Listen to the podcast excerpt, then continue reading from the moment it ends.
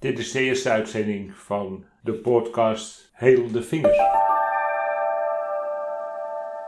Het is alweer 35 jaar geleden, ja ongeveer, misschien langer, misschien korter. Maar dat ik me afvroeg eigenlijk Waarom worden we ziek? Waarom worden we niet echt optimaal geholpen? En als je, naar waar je ook naar gaat, of naar een therapeut, of naar een dokter, of naar een alternatieve geneeswijze, uh, ze hebben natuurlijk altijd een uh, eigen optie. Zij hebben natuurlijk geleerd van een vak en vanuit hun vakgebied vertellen ze natuurlijk uh, wat ze kwijt willen, wat ze denken voor jou te kunnen betekenen. Maar ik vroeg me natuurlijk af van, ja, maar waarom worden we eigenlijk ziek? Wat is de, de, de, de reden daarvan? Eh, nou, als je uh, van de trap valt, uh, dan uh, kan je je been breken. En dan kan ik me voorstellen dat je dan weet waardoor het komt. Maar als het zomaar plomp verloren is, of tenminste voor het oog plomp verloren, dan is het toch wel even lastig. En natuurlijk kan je, als je ziek bent, een pilletje krijgen. En als je niet goed kan kijken, een bril. En als je niet kan horen, dan een gehoorapparaatje. Maar volgens mij is dat niet de oplossing. Voor mij is de oplossing, ligt dat meer in de, ja, hoe komt het dat je dan ziek bent geworden? Als je daarachter kan komen, zou je dan de ziekte weg kunnen halen? Of het ongemak, of dat wat je hebt? En in mijn zoektocht, uh, daar kwam ik er toch wel achter dat het zelfs in de eerste jaren van je leven zou kunnen zijn ontstaan. Het is niet altijd te zeggen dat het zo is, maar vaak is een onverwerkte emotie die je toen hebt meegemaakt zo hardnekkig en zo standvastig dat die niet zomaar voelbaar is, maar wel grote invloed kan hebben op je lichaam. Nu is het natuurlijk goed om emoties te hebben, want zonder emotie kan je eigenlijk niet leven. Blij zijn, vrolijk zijn, aan leuke dingen denken en dat gevoel ook krijgen. op die manier is het leven best aangenaam. Maar stel je toch voor als, dat je als kind niet gehoord werd. En daar werd je eigenlijk een beetje onzeker van. Je wilde wel lekker in je vel zitten, maar eigenlijk werd er niet naar je geluisterd. Er werd er geen aandacht aan je besteed. En die emotie die je daarop had, op die situatie, die neem je eigenlijk mee in de rest van je leven.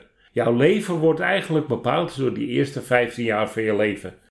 Want dat is jouw leermoment van alles wat er gebeurt. En zo leer je met je omgeving om te gaan. Eigenlijk leer je dus meer je te gedragen hoe de omgeving je wil, in plaats van te gedragen hoe jij het zou willen. Dan kom je pas op latere leeftijd achter.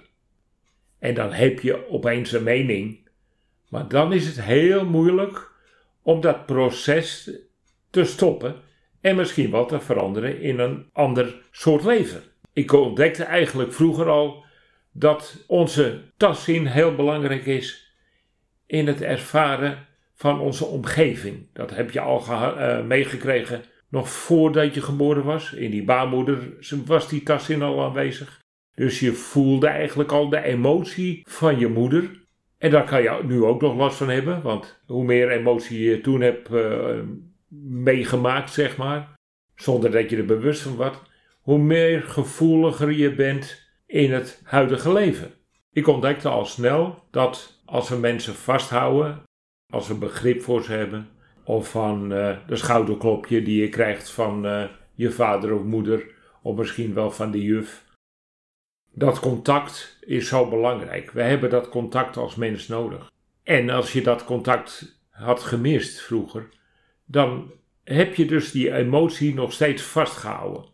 En ik ontdekte dat de huidige situatie die we ervaren, dat dat al eigenlijk kwam doordat er in de jeugd niet genoeg aandacht was. Klinkt een beetje gek, maar ja, zoals ik al zei, van als je eenmaal iets aangeleerd hebt, hè, zeg maar angst hebben of uh, verdriet hebben of uh, ja, niet prettig in je vel zitten op een bepaalde situatie of over een bepaalde situatie, dan zal je merken dat als die situatie weer aan de orde is, al is het 30 jaar later, dat je dezelfde emotie ervaart als toen de tijd.